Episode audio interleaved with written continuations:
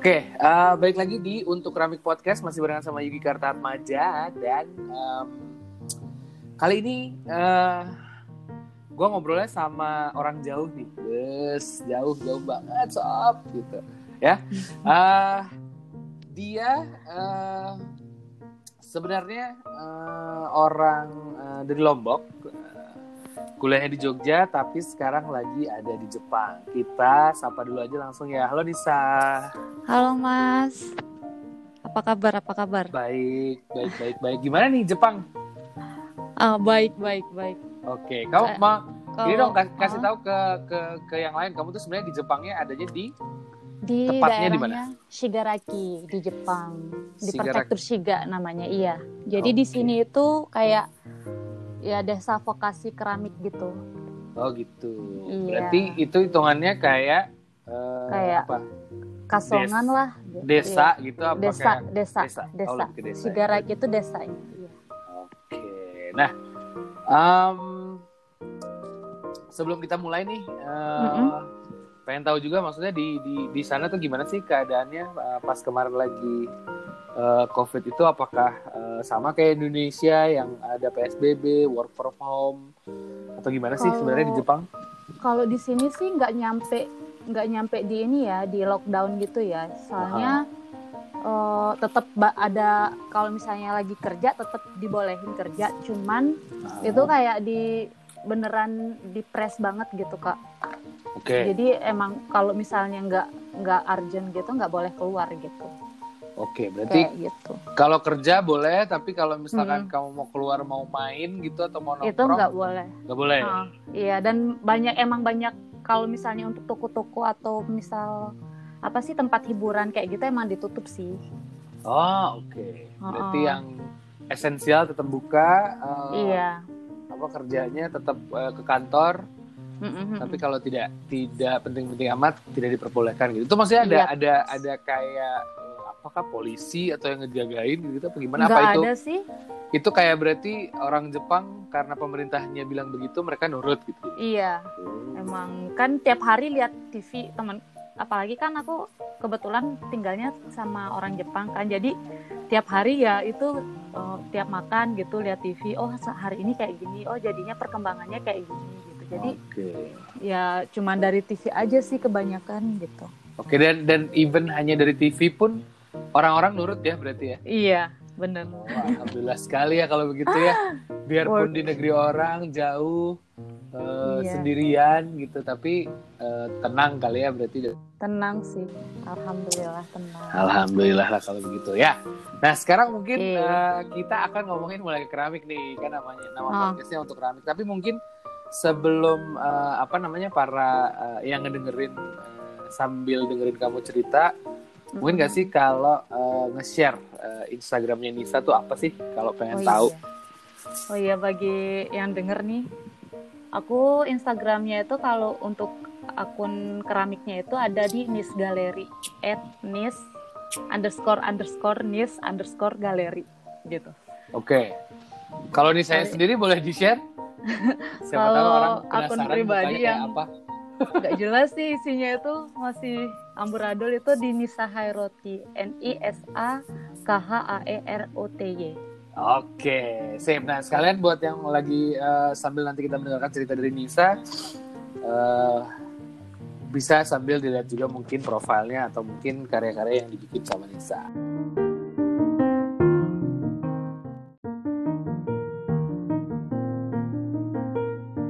Oke, Nisa langsung nih.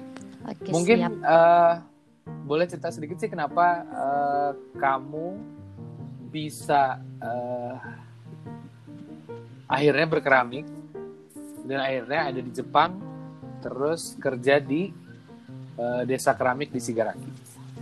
Oke, gimana ya? Awalnya sih eh sebenarnya aku backgroundnya nggak ada yang seni-seni gitu ya. Maksudnya dari keluarga biasa aja yang pengennya anaknya jadi pegawai negeri aja gitu. Tapi emang Oke. tapi emang dari diri sendiri emang suka gambar gitu awalnya.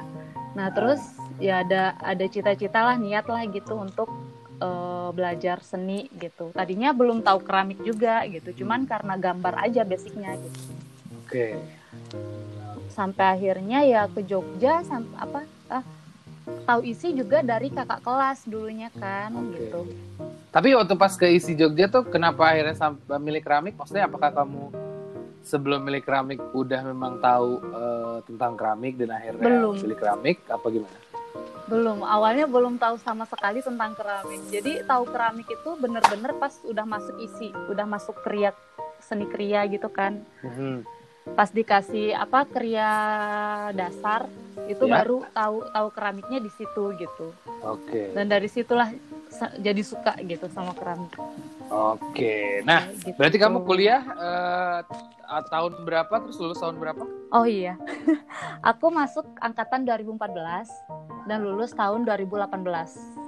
Lulus 2018. Nah, itu apakah kamu langsung ke Jepang atau sempat ke mana dulu sebenarnya? Iya, jadi eh, kebetulan keterima kerja di Jepangnya itu kan pas lagi ngerjain skripsi.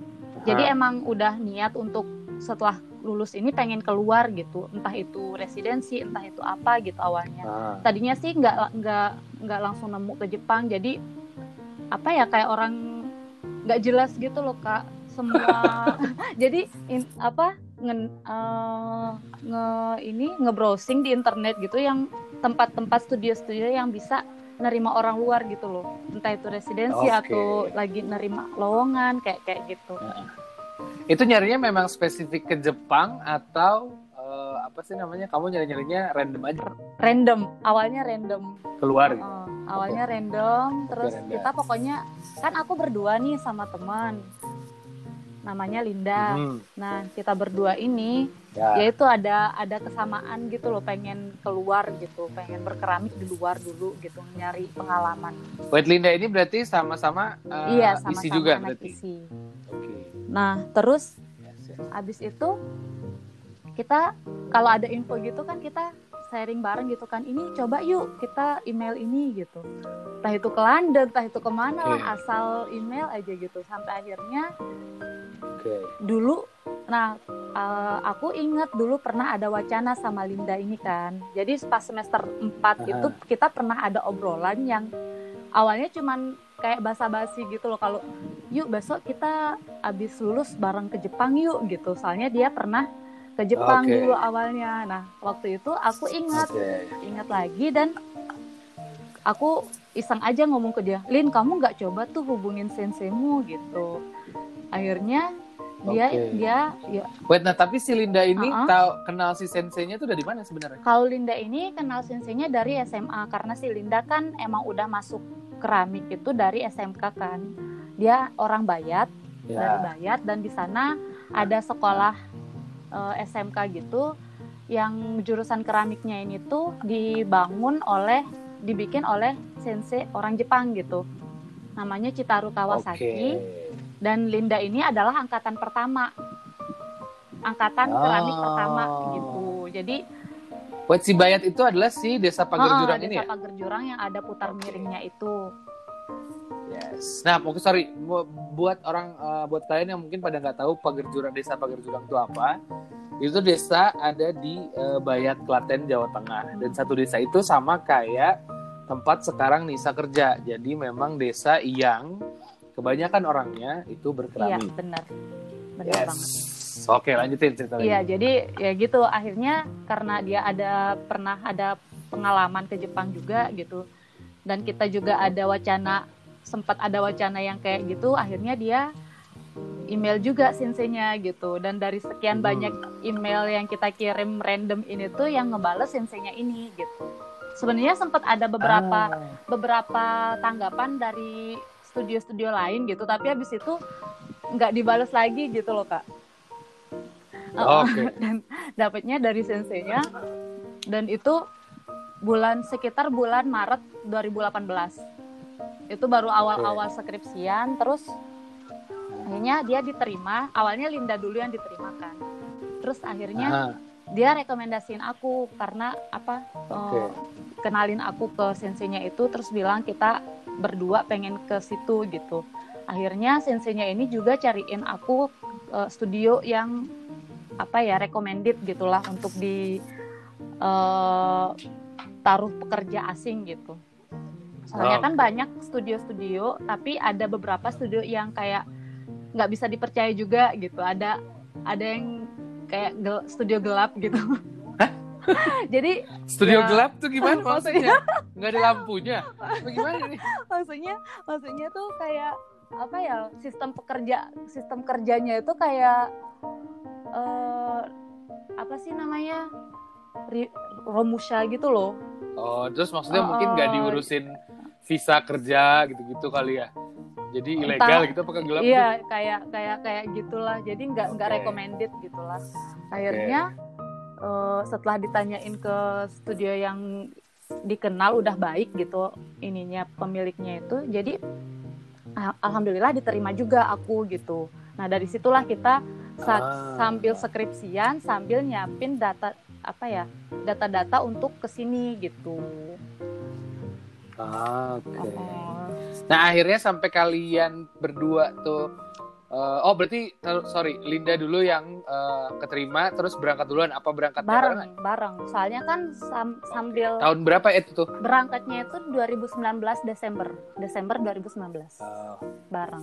Oh, Jadi oke. kita- baru banget berarti ya baru akhir tahun lalu berarti ya? Oh, oh.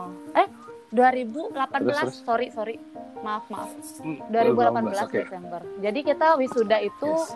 September 2018 Hmm. terus ne- apa tunggu ini tunggu CO, Certificate of Eligibility ya itulah data-data untuk eh, bisa ke Jepang gitu baru ke Jepangnya Nah. Desembernya 2018 Oke, berarti sebenarnya karena sudah keterima dan juga kasarnya eh, sudah di ada eh, maksudnya ada, ada referensi dari si sensei uh. Shitaro Kawasaki itu berarti sebenarnya prosesnya jadi lebih mudah nggak sih Eh, sebenarnya? bisa dibilang mudah tapi sebenarnya juga ada ini sih kayak sempat di hampir ditolak gitu pengajuan visanya karena Heeh. emang kan kita belum ada pengalaman kerja kan sebenarnya untuk visa yang aku Aha. pegang untuk kerja sekarang itu tuh harusnya udah ada pengalaman 10 tahun lebih gitu kerja di bidang yang sama gitu tapi karena kita ngirimin ini juga kayak eh, skripsi kita terus juga kayak jurnal-jurnal yang pernah kita bikin terus juga kayak apa ya liatin pengalaman kita berkeramik kayak gitu di CV kita gitu dan it- itu yang ngebantu juga sih sama ijazah yang paling penting ijazah oh, oh. Oke. Berarti setelah tahu lulus ya jadi jadi eh, lebih legit lah kasarnya ya. mungkin Oke. Nah itu pas pertama kali datang ke Jepang apa rasanya tuh kalau Linda Iya. kan udah pernah ke Jepang, Iya. kalau kamu kan belum tuh. dingin itu la- landnya ke mana? Maksudnya kamu pas eh, turun dari pesawat tuh di Dijemput. di, di oh airport di di mana? eh, di ini Kansai di Kansai Oke. Kansai Dijemput Eh, sama Kawa- Kawasaki Sensei sama satu lagi ada ini bosnya si Linda. oh gaya banget dijemputnya sama sama senseinya. Dan itu padahal sampai di sini jam 11 malam apa ya? Tapi ditungguin gitu dan lagi Oke. salju padahal waktu itu. Makanya datang-datang tuh Ah. udah dingin, udah beku lah. Langsung shock. Oke, eh, boleh cerita sedikit tentang si eh, desa si Sigarakinya ini sama kamu tuh sebenarnya di situ eh, apa yang kamu Oke. lakukan? Apa yang kamu kerjain Jadi di kayak yang tadi aku bilangin kalau misalnya apa kalau desa Shigaraki ini tuh emang salah satu desa yang bersejarah tentang keramiknya di Jepang gitu. Dan itu masih Oke. ada tempat-tempat yang eh, apa ya? Kita bisa lihat sendiri barang-barang yang bersejarahnya kayak misalnya Noborigama. Itu kayak apa ya? Tungku berundak gitu loh. Tungku kayu itu masih ada dan masih ada yang bisa berfungsi juga, ada yang cuma tajangan juga. Ada semua terus juga di sini ada namanya Togenomori. Jadi di Togenomori ini tuh kayak bukit per, apa ya daerahnya kayak perbukitan gitu tapi eh, itu tuh khusus untuk hal-hal yang berbau keramik kayak ada galeri khusus keramik, terus ada galeri khusus pameran seniman keramik, terus ada tempat yang untuk residen artis keramik juga. Jadi Hmm. lengkap banget sampai ada eh, di situ tuh tiap tahun ada ngadain event kayak ceramic market gitu setahun Mhm. sam- dua sampai tiga kali ada kayak Ya. gitu dan aku di Dan semua itu tuh didukung sama pemerintah ya kalau iya ya? didukung sama pem- bahkan panitianya pemerintah dari pemerintah kebanyakan Oh, Oh, oke. dan nanti nyari volunteer volunteer Enak ya gitu sih. berarti kalau di Jepang?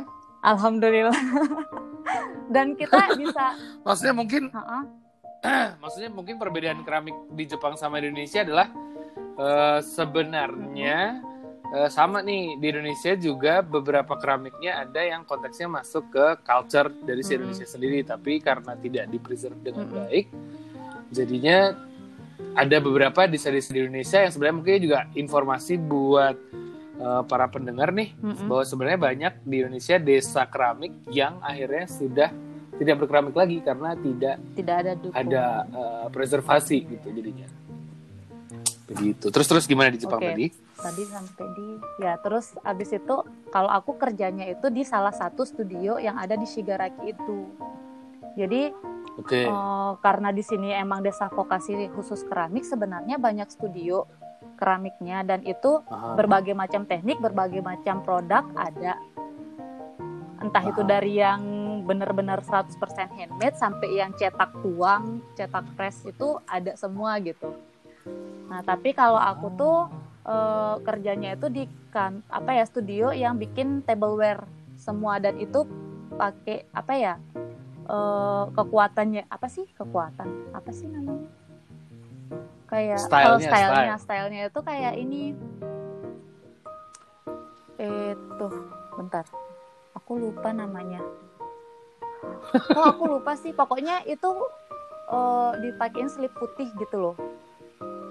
Oh, oke. Oh, oh. kok lupa sih namanya? Jadi maksudnya di, di dilapisin lagi Oh, pakai slip di- putih gitu maksudnya. pakai slip putih. Spesifikasinya Ah, itu kohiki, terus nanti kohiki. ada power aku ingat. Kohiki. kohiki. Kamu udah kamu bukannya udah satu tahun setengah di situ ya? Iya. Wah gimana iya nih? tapi kan dilaporin ah ke senseinya sensei masa lupa sama tekniknya nih iya, sensei. aduh. Namanya kohiki nama ininya nama produknya Oke. gitu. Oke si studio sendiri nama namanya studio tempat kerjaku itu Furutani Seto Show Furutani Pottery gitu lah kalau di Inggrisin. Oke. Kayak gitu. Terus kalau di tempatku itu eh, bisa dibilang handmade semua dari awal pengerjaan sampai akhir. Dan eh, apa ya ininya lagi tuh plusnya lagi tuh dibanding studio-studio yang lain itu pembakarannya empat kali pembakaran. Oke. Uh empat kali? Empat kali jadi apa aja tuh empat kali dua Maksudnya kali. boleh diceritain jadi prosesnya jadi dua kali itu dibakar biskuit dua kali dan dua kali itu dibakar glasir Oh, kenapa harus dua kali Nah, dibakar gelas? Kenapa? Nah itu kan tadi eh, aku ceritakan kalau misalnya plusnya itu eh, studio kayak itu bikinnya produk yang kohiki itu. Aha. Nah produk kohiki ini sebenarnya tuh gimana ya? Biasanya tahu nggak sih kalau apa? Tahu kan ya kalau misalnya keramik itu tuh ada sis, apa? eh, dia itu sifatnya kayak merembes gitu loh. Ya, A- Absorpsinya tinggi sampai ada yang 7%, ada yang 10% gitu. Kalau untuk yang cuman bakar biskuit itu kan sampai 15% gitu kan Kak ya. yes. Kantorku ini tuh mikir gimana caranya biar eh, bisa bener-bener meminimalisir absorpsi itu gitu. Jadi sampai oh. Heeh, oke, jadi oke, glasir. oke. Jadi untuk kohiki apalagi untuk kohiki ini kan kalau absorpsinya itu pasti kelihatan air yang merembes itu loh kalau setelah walaupun di glasir gitu. Kalau Aha. misalnya dia bener masih 7% gitu absorpsinya, persentase Hmm. absorpsinya. Beh. Tapi secara secara visual eh, mungkin kan maksudnya orang-orang di Uh-uh. sini eh, mungkin tahu sih beberapa ada keramik Mhm, keramik mhm. sangat terkenal sekali di Jepang. Hmm. Tapi mungkin kalau misalkan mungkin orang yang orang-orang yang baru terpapar sama keramik-keramik yang ada di Mhm. Indonesia apalagi studio independen ya. Mhm. Secara visual itu yang paling signifikan perbedaan antara yang bakarnya cuman dua kali bakar biskuit dan bakar tinggi sama si kohiki ini tuh perbedaannya apa sih? Kalau yang paling signifikan. dilihat kasat mata sih nggak nggak kelihatan. Mhm. Oke. Cuman kelihatannya pas udah dikasihin apa ya eh, air gitu atau pokoknya Aha. barang apa eh, yang ada kuah-kuahnya gitu. Soalnya kan tableware kan jadi gimana Aha. biar airnya tetap bisa tahan gitu nggak meremes Oh. nggak oke. nggak meresap ke keramik badan keramiknya gitu Oke. itu sih sebenarnya soalnya ya Oke, kayak berarti begini mungkin eh, apa namanya kalau misalkan secara secara mau dites nih, misalkan mungkin Mm-mm. keramik yang bakar dua kali gitu. Mm-mm. sama si empat kalian eh, style kohiki ini, mungkin Iya. kalau misalkan orang naro eh, air di dalam mangkok yang kohiki dan yang biasa, iya eh, kalau dalam waktu berapa lama tuh yang kohiki pasti airnya nggak akan berkurang, tapi kalau Iya. yang biasa berarti lama-lama akan berkurang terus habis gitu ya keserap sama si keramik. Heeh, heeh. Kayak gitu. Ah, Oke oke. Nah kamu sendiri di situ eh, maksudnya spesifikasi di di slab teknik slab slab. Hmm. Oke. produksi Ya,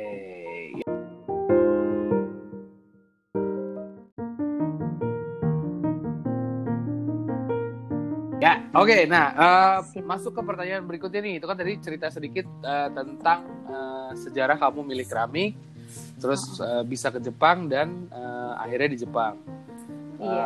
Terus kalau eh, buat kamu sendiri nih sekarang setelah setelah menjalani kuliah keramik, terus sekarang Hmm. kerja di Sigaraki gitu. Sebenarnya arti Hmm. keramik buat kamu apa sih sebenarnya sekarang?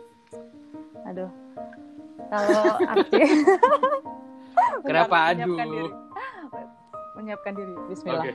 kalau keramik menurut aku sendiri kalau dari bener-bener eh, pribadi aku sendiri sih bisa jadi teman bisa jadi guru Aha. gitu Coba boleh dielaborate tuh teman dan guru tuh kalau kayak apa? misalnya pengertiannya? untuk teman itu tuh kayak misal pas bikin keramik nih Aha. kan proses keramik itu panjang banget kan kak ya Ah, yes. dari pembentukan terus finishing terus pembakaran gitu dan di mana kesemuanya itu tuh nggak bisa kita handle 100% Oke. jadi butuh kerjasama sama material yang kita pakai. Ini menurutku ini beda keramik sama material yang lain kayak tekstil logam kayak gitu.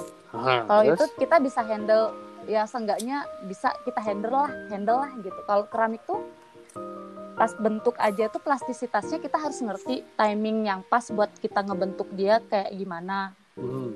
Eh, eh, kayak apa ya sekarang kalau ke, ke ininya bodinya kayak gini oh udah bisa dibentuk nih Hmm. kalau tanahnya plastisitasnya kayak gini bisa dibentuk nih nah Oke. itu bikin aku kayak belajar kalau apa ya kerjasama jadi kayak ada tem dia itu temen gitu Mhm. kayak gitu nah sementara kenapa aku bilang keramik itu kayak guru karena gimana ya kayak dia tuh ngajarin banyak hal gitu sih Aha.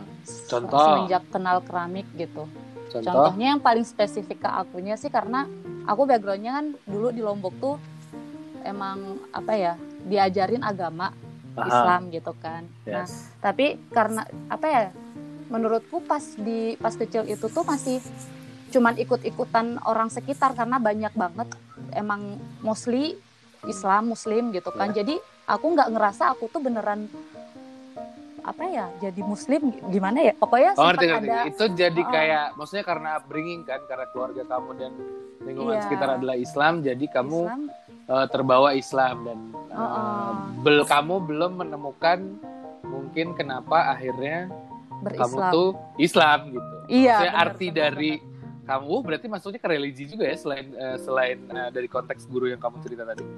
Oh, jadi dia guru itu maksudku dia kayak ya dia ngajarin aku arti Islam ketu Tuhan gitu loh, arti ketuhanan gitu loh. Maksudnya Wadah. kayak memperlihatkan aku gimana maha maha besarnya Tuhan gitu. Aha. Yang ini cuman tanah liat kan sebenarnya, tapi Yes. cuman tanah liat doang itu tuh kayak bisa ber satu tempat.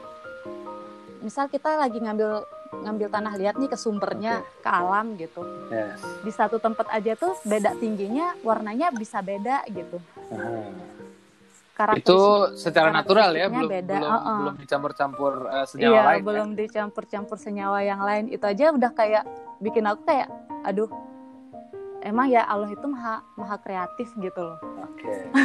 maha seniman gitulah pokoknya dan itu yang ya yang bikin menurut kamu akhirnya, sampai bikin dunia dan isi-isinya gimana? oh, oh, apalagi yang lain gitu ini aja cuman kita baru belajar tanah aja udah kayak gini gitu akhirnya ya ya jadi guru sih gitu jadi ya begitulah Oke, nah mungkin Cerita. sedikit sedikit konfirmasi aja kali ya buat orang-orang Heeh. takutnya nanti orang mikirnya ih kasihannya Nisa kayaknya nggak punya temen dia. Jadi Enggak, enggak sih, enggak sih. Punya lah, punya. Cuman maksudnya lebih mengerti kayak perbedaan, terus juga ada apa ya kayak kerjasama beneran bisa. Oh aku nggak boleh egois nih gitu. Kan sebenarnya aku emang ada dikit rada-rada egois nyeleneh gitulah ya, kayak gitu. Jadi karena keramik jadi aku bisa lebih belajar bersabar gitu. Oh iya kayak gini ya. Oh iya yes. harus mengerti timingnya. Oh iya kayak gitu sih. Nah itu jadi eh, mungkin juga buat eh, yang ngedengerin eh, emang ini nih maksudnya kalau belajar keramik itu eh, banyak yang harus dihadapi dan akhirnya tidak bisa sesuatu yang diforsir atau dipaksakan. Jadi memang kita juga harus eh, beradaptasi sama eh, paling awal adalah keadaan di sekitar gitu kan. Terus kalau Betul, konteksnya betul. langsung straightforward sama si eh, proses pembuatan keramik mungkin tanah liatnya. Jadi memang biasanya si sifat-sifat tanah liat ini kan beda-beda ya. Jadi cara menghadapi Iya. tanah juga beda, cara bakarnya beda, pakai glasirnya rumusnya kayak gimana juga beda Kayak gimana beda. gitu. Jadi Hasil sebenarnya bakarnya juga beda. Iya. Iya. karena aku dulu juga zaman kuliah tuh dulu aku. Mm-mm. awal-awalnya kan mikir milih keramik juga eh, waktu itu kan paling utama adalah pengen punya tanah liat yang gak banyak orang bisa karena yang milih keramik itu sedikit tapi terus masuk keramik wah Hmm. sulit juga ya keramik terus kayak kayak ngadepin cewek nih sebenarnya Kaget. kayak ngadepin Iya cewek sih. Paling kalau lagi Iya muter kan kalau harus neken kapan tahu harus melepas Mm-mm. Iya. Nah itu timing. itu kenapa tadi aku ngomongin timing. Bener. Setuju deh, setuju. Nah, eh, sebelum masuk ke eh, pertanyaan terakhir nih, eh, Nisa, Uh-uh. boleh di-share lagi eh, Instagram kamu juga pengen eh, sambil ngelihat iya. Kerjaan kamu atau karya-karya kamu boleh di mana. Terus kalau misalkan pengen lihat nih Sigaraki itu kayak apa sih gitu. Kamu eh, berarti sempat ngepost ngepost juga kan tentang maksudnya kamu lagi ada di Iya. sana. Uh-uh, Nah, boleh di sempet Instagramnya YouTube apa? juga sih. Oh, oke. boleh di-share loh kalau mau. Jadi jadi kalau untuk uh, daily life gitu sih di Etnisa Hairoti N I S A K H A E R O T Y. Tapi untuk uh, khusus apa karya-karya yang aku bikin itu ada di Nis Gallery Oke. At- Tulisit. underscore underscore Nis underscore Gallery. Galerinya galeri bahasa Inggris gitu. Oke. G A L L E R I Y. Sip. Nah, masuk ke Di pertanyaan follow ya, terakhir di nih. follow ya. Boleh, Promosi. boleh, boleh. Gak apa, gak apa. Emang, emang platform buat eh, eh, sedikit jualan gak apa. Oh. Mau sekalian cari jodoh juga? Ah. Aduh, nanti itu mah.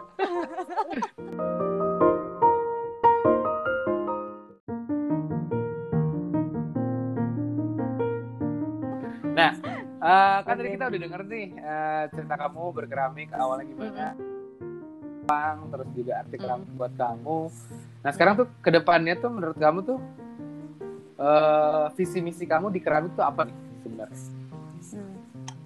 Kalau visi misi aku di keramik itu yang paling dasar itu pengen yang paling pokoknya yang paling eh, utama itu pengen bikin studio sih di Lombok di Lombok Oke.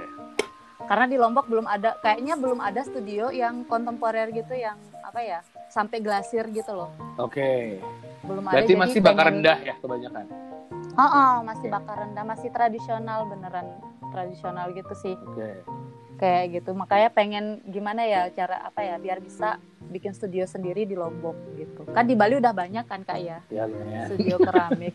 Lumayan banyak. Makanya kalau di Bali aduh ntar deh. Mending di Lombok aja dulu gitu. Boleh, boleh. Jadi itu juga kan Kayak pengembangan eh, dari eh, daerah kamu sendiri kan jadinya.